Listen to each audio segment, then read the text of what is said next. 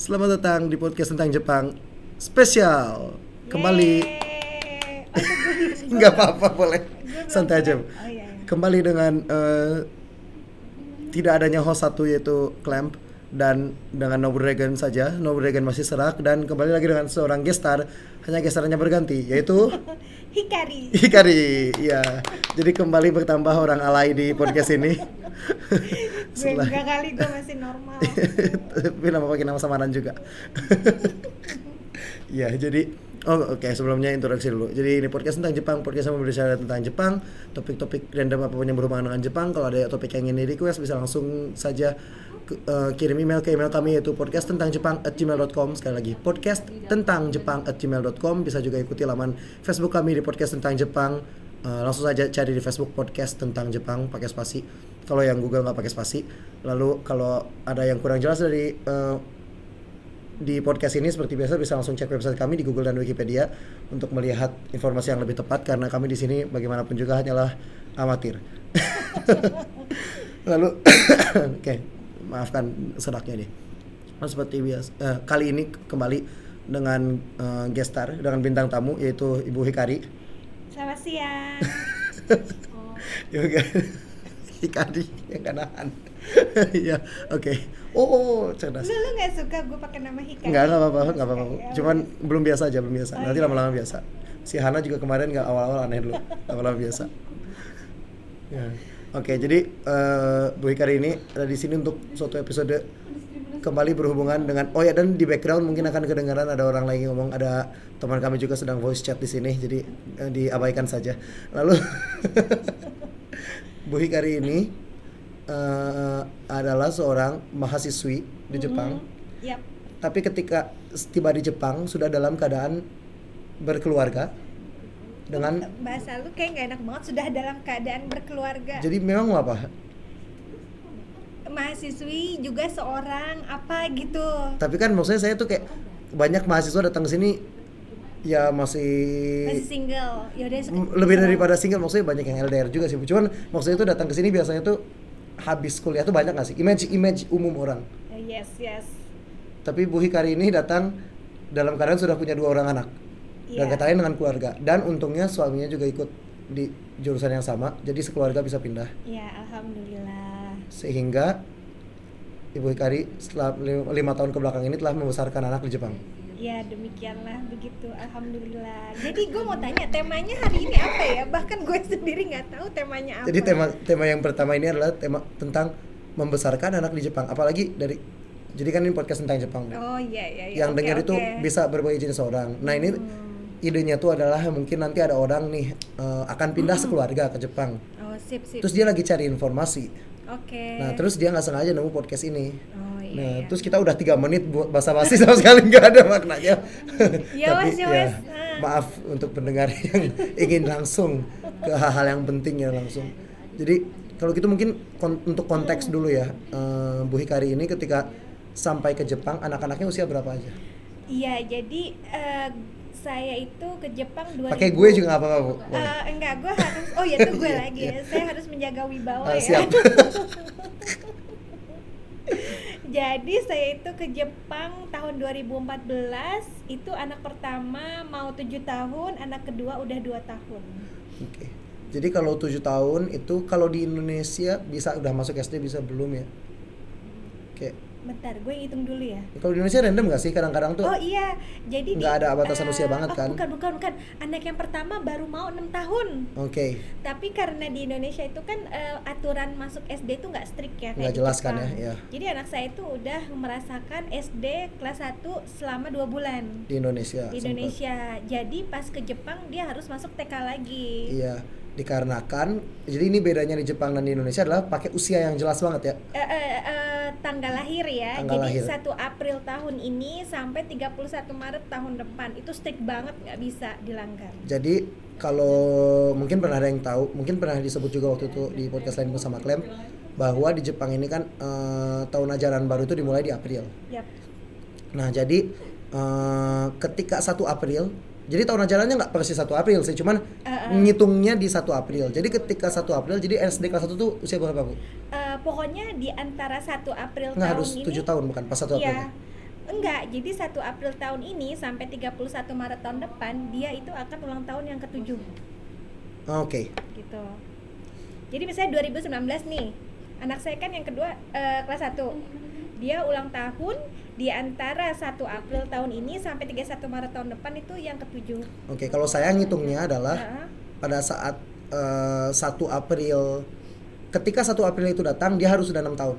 Saya ngitungnya ke belakang. Oh iya, Kebayang benar. Bisa, bisa, Jadi bisa juga, ketika bisa 1 juga. April usia dia udah enam tahun. iya bisa juga bisa juga iya. Jadi tapi intinya tuh pakai usia. Jadi nggak bisa kayak ayah saya tuh cerita dulu eh, dia masuk SD itu tangan kanan harus Oh, bisa begini. megang teling- Enggak, enggak, kuping enggak, kiri kan kalau Iya, iya, iya, kalau iya. jadi yang tangannya panjang yang suka maling lebih cepat gitu ya masukin eh tapi ada kasuistik loh. Jadi eh, ada kasus denger denger ya di Jepang ini? di Jepang. Jadi dia juga foreigner baru datang. Iya. tapi dia kelasnya udah tinggi. Di bukan kelas 1 atau kelas 2 gitu ya. Jadi Oh, iya, kelasnya iya. udah tinggi. Terus akhirnya dipertimbangkan supaya turun kelas supaya bisa catch up ngejar terutama kanji Iya iya. ya gitu tapi ada juga Meskipun secara usia harusnya lebih iya, tinggi. ha- ha, tapi ada juga yang udah masuk kelas 4 atau kelas 5 dia bisa sesuai usianya eh, cuman harus tes privat privat kanji dari Nambah kelas lagi ya, diajari lagi gitu ya. iya Iya, jadi eh, mungkin ada pengecualian, cuman apalagi untuk yang ketika tiba di sini anaknya itu masih kecil, jadi nggak bisa tiba-tiba pengen langsung di SD-in aja. nggak bisa Kalau iya, usianya harus- belum betul, di. 1 April itu belum mencapai enam tahun. betul betul nih eh, menurut saya sih bagus ya demikian ya supaya mengurangi eh, ambisi ibu-ibu orang tua Oh, yang gitu. asalnya kolahin. Ha, ha, yang asalnya Iya. kolahin anaknya Biar cepet aja gitu. dini masuk dan memang saya ngelihatnya ini yang terbaik secara psikologis Hmm, dan usianya dan kita tuh bisa tahu maksudnya saya kalau lihat orang Jepang tuh kamu angkatan berapa? Langsung tahu usia iya, betul, lucu ya. Kalau di iya, kita kan nggak ada kan ada kayak ada. ada anak tiba-tiba random kelahiran tiga tahun lebih tua dari kita di Iya, angkatan yang sama atau tiga tahun lebih muda. Yes, full yes. random. Iya. Ya, kayak teman saya ada teman saya satu waktu itu mulai kuliah usia berapa? 15 tahun karena full Axel dan oh lain-lain. dia itu Axel ya. Axel tapi dan masuknya cepat masuk cepat gabung Axel. Oh Jadi- tinggi banget ya. Amin. Nggak eh, Iya, nggak juga ya. ya mungkin. Nggak tahu. nggak asumsi kan lah saya juga nggak tahu nggak pernah Oh, lihat hasil oke, tesnya nggak pernah lihat hasil tes IQ-nya Oke, oke. tapi ya gitu jadi Hmm. ada jadi jauh lebih random kalau di sini kan memang berdasarkan usia ngikut aja Iya, berdasarkan gitu. usia. jadi satu hal yang perlu diketahui untuk yang mau ke Jepang bisa ki- dikira-kira usia dari Yap, usia anak betul, akan betul. masuk kelas berapa Iya, minimal betul. lalu di luar itu oke ini juga mungkin satu hal yang sering banget dengar dari orang tua orang tua di Jepang yaitu adalah tempat penitipan anak Oh iya. karena waktu itu kan anak yang lebih kecil ibu dua anak kan Eh, eh, yang eh, eh. sulungnya waktu itu udah bisa masuk TK, TK, tapi yang kecilnya waktu itu saya berapa Eh, dua tahun ya, udah dua Hmm. tahun. Jadi gini, sebenarnya tempat penitipan anak itu bukan cuman untuk PAUD, tapi sampai dengan SD itu ada. oh jadi yang pulang sekolah ya Eh, eh, yang pulang sekolah. Jadi kalau buat PAUD eh, di itu apa sih? PAUD Pendidik- itu pendidikan anak, anak usia dini, dini. preschool lah, preschool. Oke. Itu ada dua jenis. Hoikuen, hoikuen itu daycare, terus Iya. ada yochien, yochien Hmm. itu TK. iya Nah, TK itu bisa dimulai tiga tahun. jadi bisa mulai masuk si Yoshi ini Iya, dari iya, usia tiga tahun. Kalau hoikuen itu ada yang dari tiga bulan, ada yang enam bulan, terserah hoikuen. Jadi kebijakan hoikuen masing-masing. Nah, Iya. hoikuen itu ada yang sampai dia lulus setara TK, kayak anak saya. Anak saya itu nggak yang nomor dua, Nggak masuk yochien karena masuk itu TK. iya Hmm. hoikuennya itu sampai dengan TK eh, hoikuennya Sampai sampai, usia dengan TK. usia 6 tahun jadi dia lulus hoikuen lulus daycare langsung masuk SD cuman di usia yochien di usia 5 atau 6 tahun sensei senseinya itu mulai ngasih pelajaran yang kurang lebih agak mirip dengan beneran. TK. Jadi eh, ada Hoikuen, ada Ya, Yochien. Yochien. Eh, Hoikuen itu tadi daycare service, jadi untuk yang orang tua yang kerja terutama Iya, ya. yang at- Eh, eh, dan yang diutamakan lagi single mother. Oke, jadi Uh-uh. lebih dari apa pun. Oke. Uh-uh. Lalu ada Ada Yochien, Yochien, itu nah. TK biasa ya, yang TK standar lah ya kalau biasa. ke TK ya. Nah, tapi kan pertanyaannya kalau bapak ibunya kerja sampai sore gimana? Oh, Nah, iya, oke. Jadi ada eh, Yochien itu sebagian besar juga eh, memberikan servis penitipan anak. Setelahnya. Jadi Setelah itu jam sakleknya Yochien itu sampai jam berapa? ya jam 2 lah kira-kira sampai dengan ada yang jam 7 sampai dengan ada yang Enggak jam kalau kalau 6. maksudnya jadi anggap ini kalau ibu kan eh, belajar kan di sini Ah, ah, kuliah. ah. Cuman anggap ini seorang ibu rumah tangga nih. Heeh. Eh, anaknya dikirim ke TK Oh, sama kayak di gitu. Indonesia. Iya, Maka iya. dia akan jemput pulang jam berapa Ya kalau di TK biasa? jam 1 atau jam 2 Jadi kalau Yoci yang standar itu jam 1 jam 2 jam selesai. 1 jam 2 heeh. Kalau dia ikut apa extend ke nursing care berarti Iya. dia nggak pulang langsung So, ke so daycare-nya. di sana. Nah, itu buat eh, TK ya. Nah, buat anak SD karena kan ini ya. eh, SD itu pulang macam-macam ya, ada yang jam 2, ada yang jam 3, jam Oh. 4. Apalagi kalau udah kelas 5, kelas 6 gitu, apalagi kelas 6. Itu biasanya pelajarannya lebih lagi lebih banyak mau ya. masuk karena ada tes kan Eh, untuk eh. masuk SMP ya. Oh, masuk SMP nggak tes? Ada ada Bu, kalau swasta ada. Swasta, mm, iya. tergantung eh, tergantung si SMP-nya. Cuman mm, eh, kalau negeri kan nggak ada. Cuman Iya, kalau mau masuk yang swasta tuh ada tesnya lagi. Iya, heeh. kalau mau negeri kan standar ya. Nah, eh, biasanya orang tua kan juga pulangnya malam. Nah, mereka ada namanya jidokan, jido club. Hmm, Jadi jidokan iya. itu tempat bermain. Nah, jidokan itu bedanya Ini pulang SD. pulang SD. Nah, bedanya itu dia bisa pulang sendiri, bisa dijemput. Kalau Dari pulang jidokan? dari jidokan, kalau pulang sendiri itu sekitar jam 4 atau jam 4.30, tergantung musim. Kalau misalnya musimnya musim dingin, ya plus minus dua bulan gitu ya atau tiga bulan, itu biasanya jam 4 maksimal mereka harus pulang sendiri. Lebih dari Ke jam 4, rumahnya? heeh, lebih dari jam 4 mereka harus dijemput. Oke, karena udah gelap ya kalau musim iya, dingin. ha-ha. Kalau musim panas 4.30 masih Iya. boleh. Jadi ini mungkin pendengar nggak tahu udah pernah bahas apa nggak semuanya podcast, tapi di negara empat musim itu jadi panjang hari itu berubah. Iya, Kalau betul. ha-ha. kalau di Bandung tuh kita ngerasanya tuh maghrib itu kadang dari jam 6 kurang sampai jam 6, 6 lebih lebih. gitu kan Iya, ada perubahan betul. panjang hari. Nah, kalau di sini tuh ketika kita lebih ke utara atau lebih ke selatan perubahannya jauh lebih panjang jadi gampangnya pakai maghrib ya hari eh matahari terbenam musim dingin tuh maghrib Maghribnya jam 4 Iya jam 4. lebih hampir jam 5 sih nggak jam Iya, 4 iya. banget tapi 4.15 masih jam udah 4 bisa. berapa 4 Itu 15 di, sudah di emang Sendai, di Sendai. Kalau di Hokkaido mungkin lebih lebih Iya. ini lagi. Lalu ya. tapi kalau di musim panas itu kan maghrib jam berapa jam hampir Tujuh. jam 7 lebih bahkan Jam ya jam tujuh 7 lebih. lebih, iya. Jadi itu panjang harinya beda dan eh, matahari terbit pun ya jam 2 cuman ini nggak ngaruh ke pulangnya anak-anak ya cuman Mm-mm. Jadi si Jidokang ini pulangnya tuh ketika musim dingin karena matahari terbenamnya jauh lebih cepat dia harus pulang sebelum matahari terbenam Sebelum kan ya iya, betul, betul. dan musim panas artinya dia punya lebih panjang lagi Iya jam betul. Ini kasus di kota ini ya. Jadi di kota lain tuh mungkin bisa jadi kebijakannya berbeda-beda. jamnya. jadi eh, ini kebijakan beda-beda. kota bukan kebijakan Jidokang Jidokang sih. jadi sebetulnya tergantung Jidokang juga ya di Eh, mana-mana eh. bisa beda beda lagi Dan daftar Jidokang itu juga kompetitif ya. ini Jidokang ya bukan Hoi Kueng sama Eh, Hoi Kueng juga yang kompetitif Hoikuen pemerintah.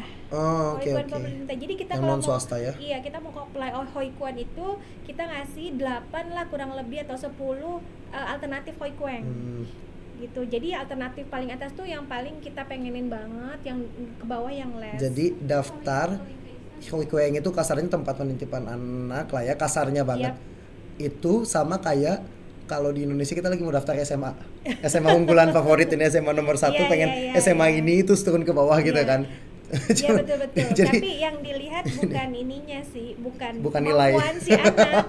Saya. Bukan nilainya. Aduh, anak baby udah ditanyain dia bisa apa enggak, Tapi tapi, yang dilihat- melihat ini eh, apa namanya? kompetisi, dia kapan daftar duluan, juga Hmm, kebutuhan orang tua ya orang ya, tua, yang eh, lebih yang lebih nggak mampu mungkin dari pemasukan gitu atau enggak Iya, atau karena single mother gitu. karena Hoikuan itu ada yang eh, sistemnya tuh subsidi silang. Dia yang Oh, kaya oke. dia bayar full atau setengah. Jadi macam-macam lah. Hmm. Tapi kayak kalau dua-dua student itu kan ini ya, Kayak hitungannya nggak dapat beasiswa. ya. Heeh.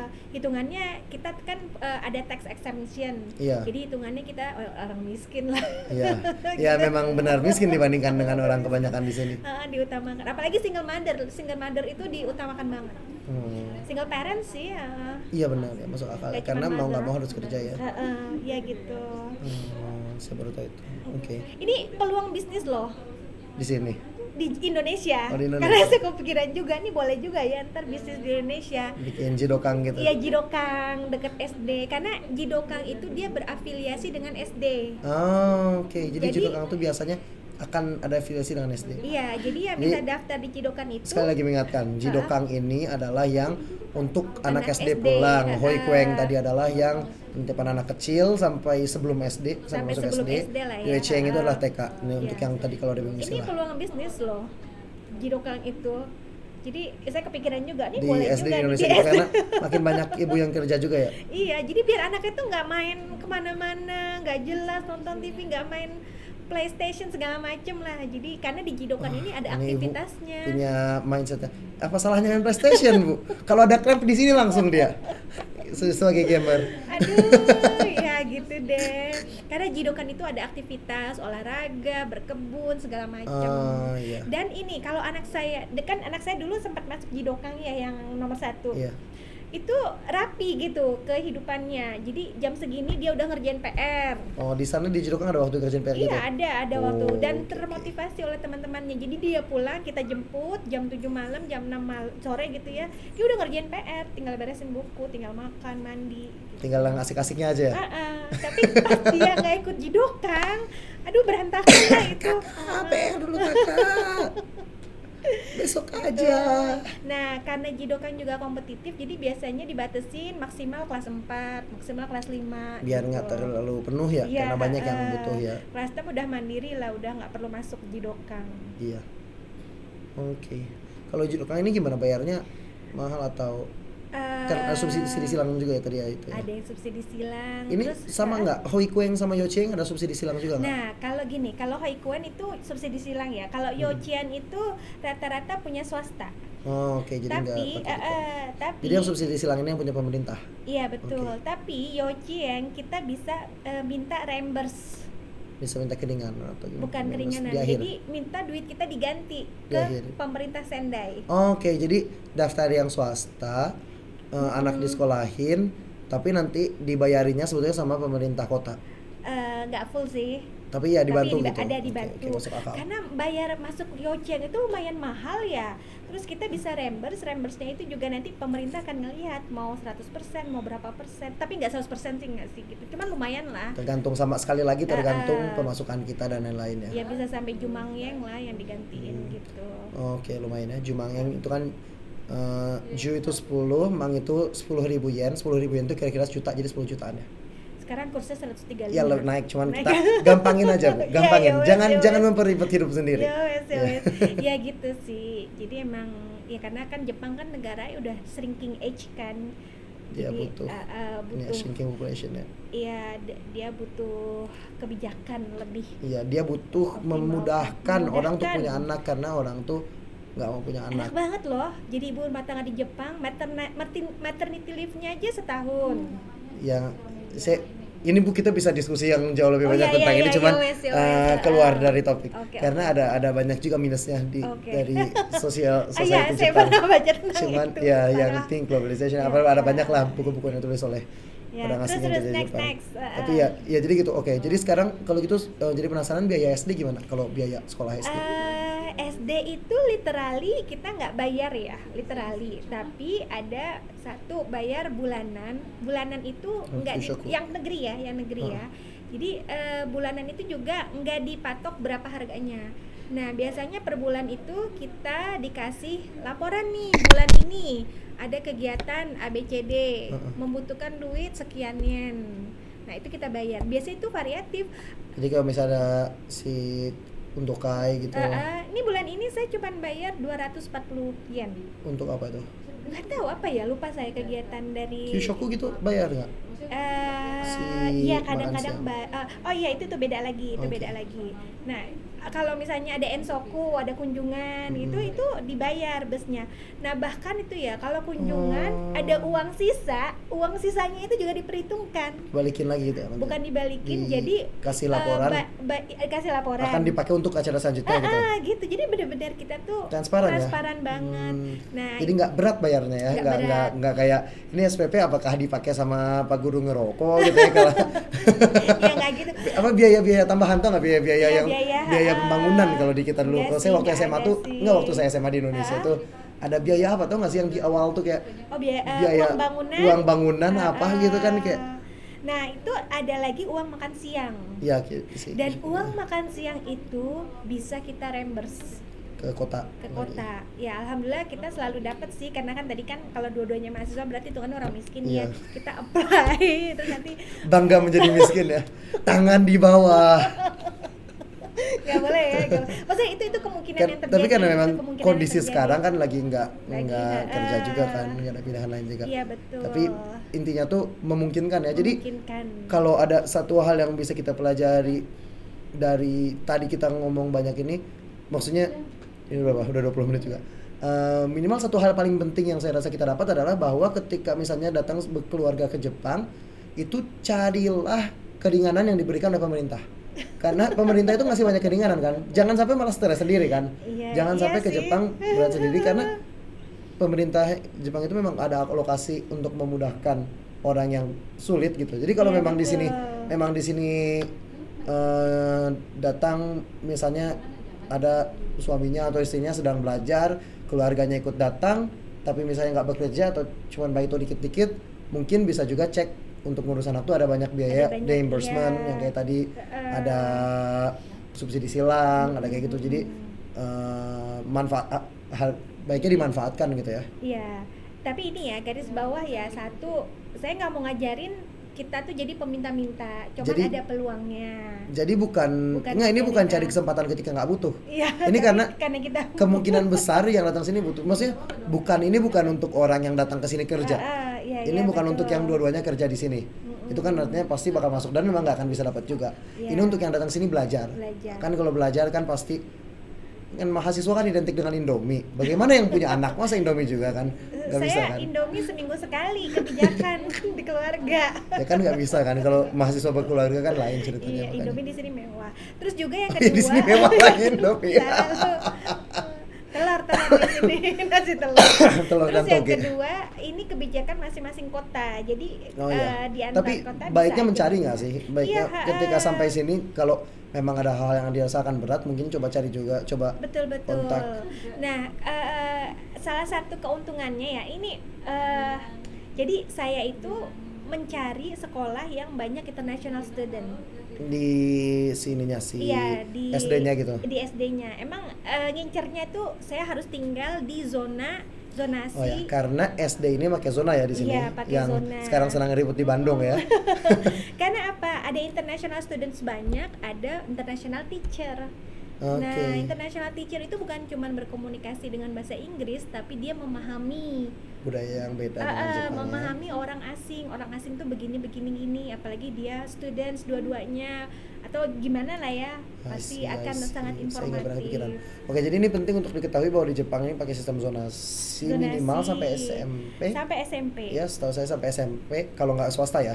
Jadi untuk yang negeri itu sampai SMP minimal ada Sampai zonasi. SMP. Lalu si zonasi ini tapi yang nggak jadi masalah karena nggak ada unggulan juga ya, nggak Nggak ada, segitunya, sama nggak sih. nggak segitunya. nggak Ah, ah, segitunya. hmm, Karena anak SD yang di sini tuh yang dikejar mereka punya kompetensi sosial, Ya, ya, ya, kayak gitu-gitu. karakter, Yes. ya, betul. Jadi lebih lebih lebih lebih main zonasi dan ujung-ujungnya jadi masuk akal untuk kalau mau sekolah dimasukin ke sekolah ini kita bisa ngincer dari di mana kita tinggal artinya Iya kan. betul Mm-mm. betul. Sebenarnya ada pembahasan yang lebih penting lagi dalam Yaitu? membesarkan anak yaitu masalah eh, moralnya mereka sama ini terlepas dari masalah uang ya finansial Iya. ya masalah moral mereka sama masalah eh, eh, attitude ya sama nggak sih eh, moral sama attitude beda ya Beda, beda. karakter ya Eh, jadi alasan kenapa saya bawa harus bawa keluarga ke luar negeri dan mencari Jepang itu pertama karena emang kebijakan keluarga saya begitu ya. Kita makan nggak makan asal ngumpul gitu. Terus kemudian yang kedua kenapa harus Jepang? Kita ngelihatnya budayanya dekat dengan Indonesia. Kemudian dari sisi moral juga ya so-so lah gitu. Boleh lah walaupun nggak sempurna kan. Saya, ya, saya punya Nggak banyak komen sempurna. tapi ya nggak apa-apa. ya walaupun nggak sempurna. Saya nggak akan gedein anak lewat dari SD di Jepang.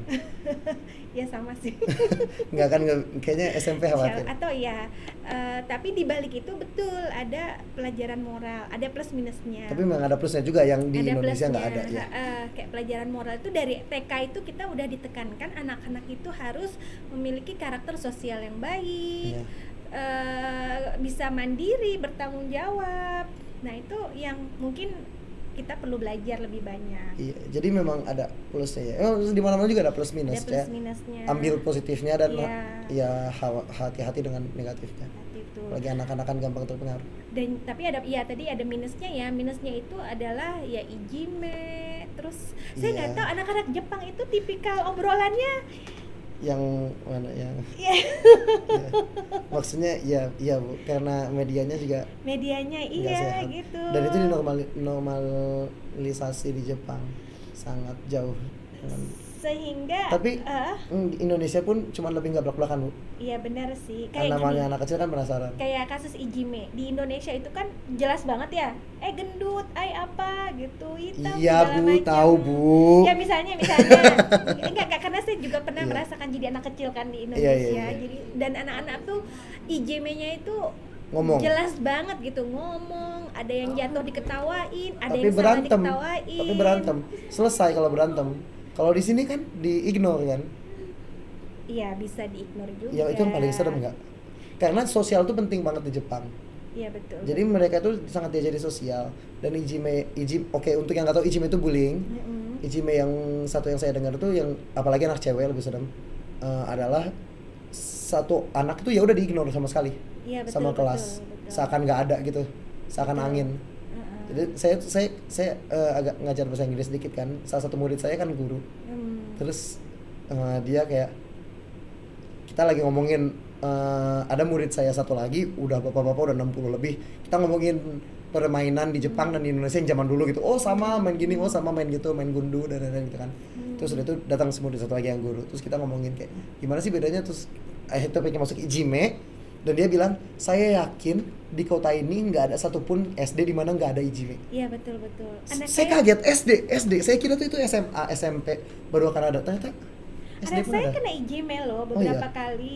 Beberapa Eh, kali? Iya, pakaian, jilbab, ya gitu. Terus kemudian adalah hal yang lainnya. Nah, terus tadinya saya mau ngelapor, tapi sama anak jangan jangan dilaporin ternyata. itu susah memang Terus- dilaporin malah makin tapi kalau nggak dilaporin juga susah banget Nah, memang Ijime ini memang sama dia tuh sampai di IJME sampai diinjek sepatunya. Ya karena mungkin walau alam ya, apa karena dia foreigner ya, foreigner kan beda Tapi rupa.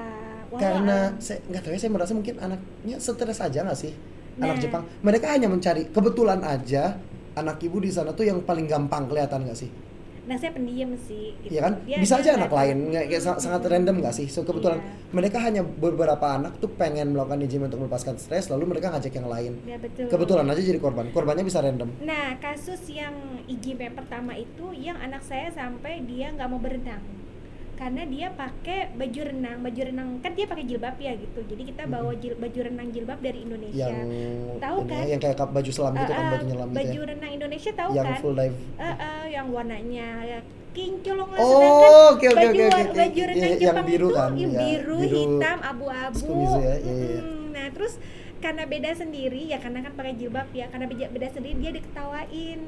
Nah, diketawain begitu dia langsung down kan. ya wajar sih Ya wajar. Padahal yang ketawain itu cuma satu anak aja, satu apa dua lupa, cowok lagi. oh padahal lo cowok kayak Nah itu terus kemudian saya bilang kan Uh-uh. sama ininya karena saya pikir ini kondisi yang kita shoganai. Saya harus bawa baju renang jilbab dari Indonesia. Sudah saya pilihkan yang warnanya paling paling netral lah gitu. Terus sama senseinya di ini kan langsung ditegur anaknya. Mm-mm. Jangan gitu lagi segala macam. Iya kayak gitu jadi sensei sebetulnya sensei guru itu biasanya relatif awas sih sama kayak gitu. Iya betul. Tapi itu juga Ijime itu bakal tergantung guru juga. Ketika gurunya nggak nggak sanggup, nggak capable, maka Ijime bisa jalan nggak sih? Ketika gurunya lebih capable, dia bakal bisa lebih. Iya sih, juga. iya sih. Tapi iya. Iya dan sih. dan ada ini juga bu, anak ibu itu di sini eh, saya dari pengalaman juga. Jadi dia itu selalu merasa berbeda. Jadi karena itu seandainya gini ya, seandainya dia bukan foreigner, mungkin dia tuh bajunya beda karena ibunya salah beli misalnya. Diketawain dia bakal kayak, ah biarin aja. Nah ini dia kemungkinan dia udah selalu disih, disih dari sananya, karena dia selalu sadar bahwa dia beda. Iya. Jadi ini memang pasti Eh. ada masalah self esteem yang dari berada di tempat di mana kita selalu menjadi outs- outsider. Nah inilah di Jepang itu kan monokultur ya. Jadi anak-anak itu ada yang akan memperdebatkan tapi relatifnya bisa kita bilang gitu ya monokultur ya. monokultur jadi anak-anak tuh selalu terbiasa dengan yang sejenis Iya, sangat sangat sejenis. walaupun di sekolah anak saya kan udah terbiasa ya Hmm. nah memang awalnya anak saya itu stres bukan stres sih ya ya, pendiam hmm, tapi gitu. lama-lama dia terbiasa tapi itu wajar itu wajar saya saya ngerti juga karena beda juga dulu Hmm. jadi pasti kita merasa jadi kayak beda jadi lebih minder lebih gampang minder Iya, Wah, iya iya sih. Nah, ya itu dibutuhkan ini ya perhatian banget ya dari orang tua ya. eh jadi apalagi anak saya yang nomor satu ini udah kelas 5 SD. udah lima tahun ya di sini ya Ya udah lima tahun ya. Terus kemarin pas ambil raport ya, kan ambil raport gitu, saya tuh mendengar dari gurunya, senseinya, senseinya itu cerita anak saya itu suka curhat sama dia. Hah, Oh. masa gitu? ah, ah, curhat apa aja? Ini, ini, ini, ini. Wah, dia nggak pernah curhat sama saya tentang ini. Jadi memang dari itu lebih ke arah teman-teman interaksi teman Jepang. karena curhat ke ibu pun nggak akan ngeh gitu ya ibu ngomongin bukan nggak akan nggak sih, tapi maksudnya ngeliatnya konteksnya, gurunya konteksnya- lebih punya kan Iya. jadi ngomong ke ibu tuh ibu kayak bakal oh si ini kun teh yang mana teh ya gitu kan kalau gurunya kan langsung oh si ini kun Iya iya Iya, sih, walaupun kita juga ada kok eh, ada ini ya apa kelas observation ya. oh yang datang ya yang, yang datang datang ke sekolah. yang berdiri di belakang gitu Eh, eh, jadi kan saya ngeliat, oh ini si ini yang ini, oh ini yang ini. oh ini yang suka diizinin ini Suka izin gue. Mana? Ibunya yang mana? Ini ini ayo. Ibunya di Iya, belakang juga kan? sih, oh dia ibunya Oh, ini ibunya, si bos mama ternyata. enggak sih, enggak segitunya. iya. Oke jadi iya, menarik sih ya. Jadi banyak jadi ijime juga mungkin artinya suatu hal yang perlu diperhatikan juga. Iya, terutama saya rasa satu hal yang penting adalah hubungan baik orang tua dengan guru nggak sih? Iya betul betul. Jadi karena guru akan selalu tahu kalau guru dengan orang tua dan guru udah jelek, lebih susah lagi sadar masalah anak nggak sih? Iya betul. Nah jadi emang saya ngerasain ya eh, awalnya kita tuh saya ngerasa ih kayaknya lebay banget ya masa sering banget gitu curhat curhat sama gurunya. Tapi Mm-mm. ternyata dari situ gurunya jadi lebih care lebih apa ya lebih Hmm. kuat. Nah itu kemudian ada masalah lain masalah bahasa. Iya, Tahu kan bahasa ya. Jadi anak-anak itu mudah menangkap bahasa asing iya. karena otaknya dia masih fresh lah nggak kayak kita kan. Saya cepet juga. Ya, saya tahu Iya, iya, iya, JN bercanda, satu bercanda. Iya, iya, iya, Bu, ya. iya, Bu. Nah, eh, buat anak-anak di Jepang itu jadi jangan khawatir mereka nanti akan kesulitan Dan dengan bahasa. asing karena mereka akan mudah sekali. Paling di awal aja ya. Iya paling awal-awal aja. Anak saya nomor dua itu butuh dua tahun buat dia ngomong. Tapi memang dia anaknya Emang dia yang em- iya. iya, itu Sekarang aja nggak hampir saya ketemu nggak pernah ngomong juga. senseinya itu bahkan setiap kali anak saya eh, si si Dekun. Dia ngomong hai itu bagaikan kata senseinya itu bagaikan sebuah berita gembira yang harus disampaikan ke orang tuanya. Hah, dan saya pun bahagia. Iya, tapi saya, saya juga pernah dulu waktu SMA punya kohai kayak gitu nggak mau ngomong sama sekali tapi ya, memang ada aja karakter aja. ya, karakternya aja kayak gitu. Nah kalau kita berniat pulang ke Indonesia lagi sebaiknya saya disuruh sama senseinya ibu di rumah harus ngomong bahasa Indonesia. Kalau enggak anak ibu nanti lupa sama sekali loh bahasa Indonesia bahasa ibunya masih Gitu. cepat belajar sih cuman ini karena saya punya teman juga yang gitu malah yang bisa lupa nanti bahasa Jepang setelah pulang harus dipakai Iya betul sih, makanya Di- kita mau bawa buku-buku Jepang. iya kasih kalau bisa pakai TV kabel itu ya. di NHK gitu ya Iya. NHK World juga kan isinya kan kontennya biasa nggak nggak aneh-aneh Iya, iya, iya sih. Jadi- Kok tahu sih kita nontonnya di rumah dari internet NHK. Ya tapi jadi kalau bisa yang kasih masih kasih yang konten kayak gitu lagian dengan internet gampang kalau dia mau sebetulnya Iya betul betul. kalau dia masih bisa kontak dengan teman juga paling bagus terus kalau cari teman sih sebetulnya penting teman yang bisa bahasa Jepang gitu.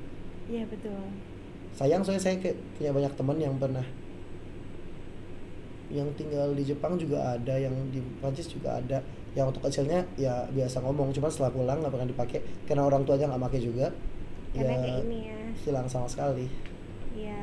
terus kayak cuma ingat dikit dikit Tapi gitu. nanti beratnya pada saat dia balik ke Indonesia atau ke tanah air eh, perlu waktu lama sekali padahal untuk apa ya untuk beradaptasi Oh iya, untuk dengan membaca, budaya ya. iya. bahkan anak saya tuh baca romaji itu tuh tanpa titik koma jadi romaji itu alfabet tidak ya iya, alfa- tidak eh, ada Indonesia. intonasinya ibu ke pasar membeli bawang jangan dipukul-pukul oh iya, iya salah salah.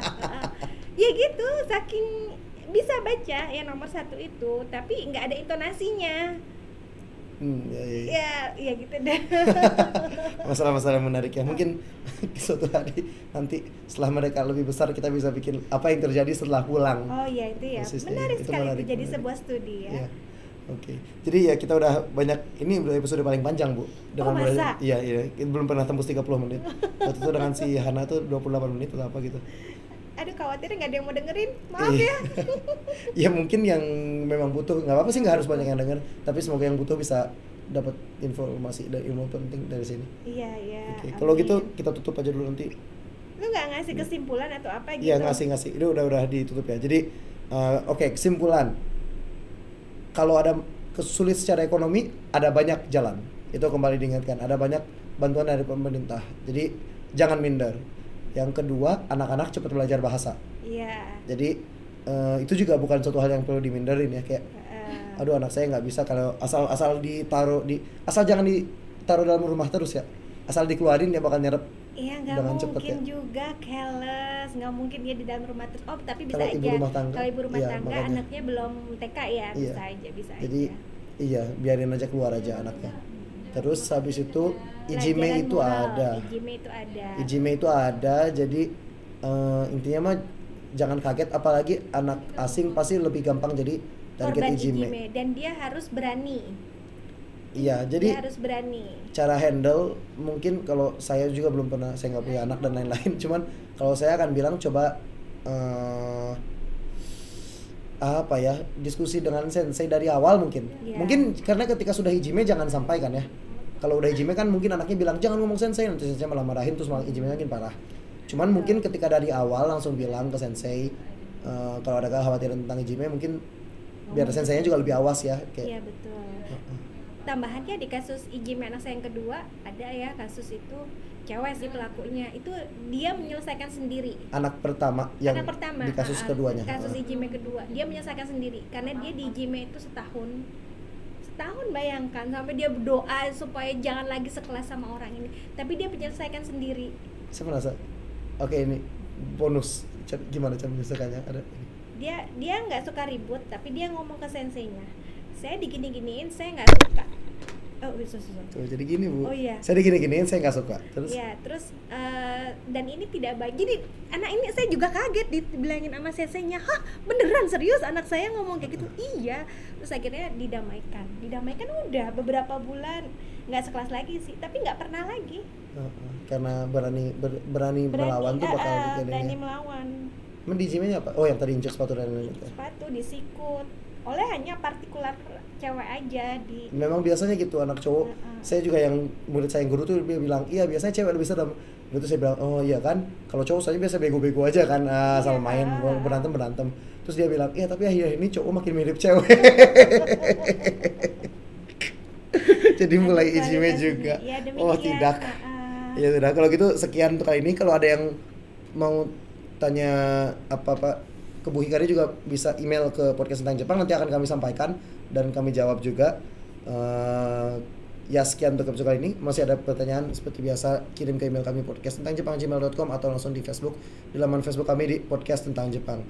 Lalu di akhir kita ngomong ini Bu sayonara Bu. Oke. ya sayonara. Sayonara.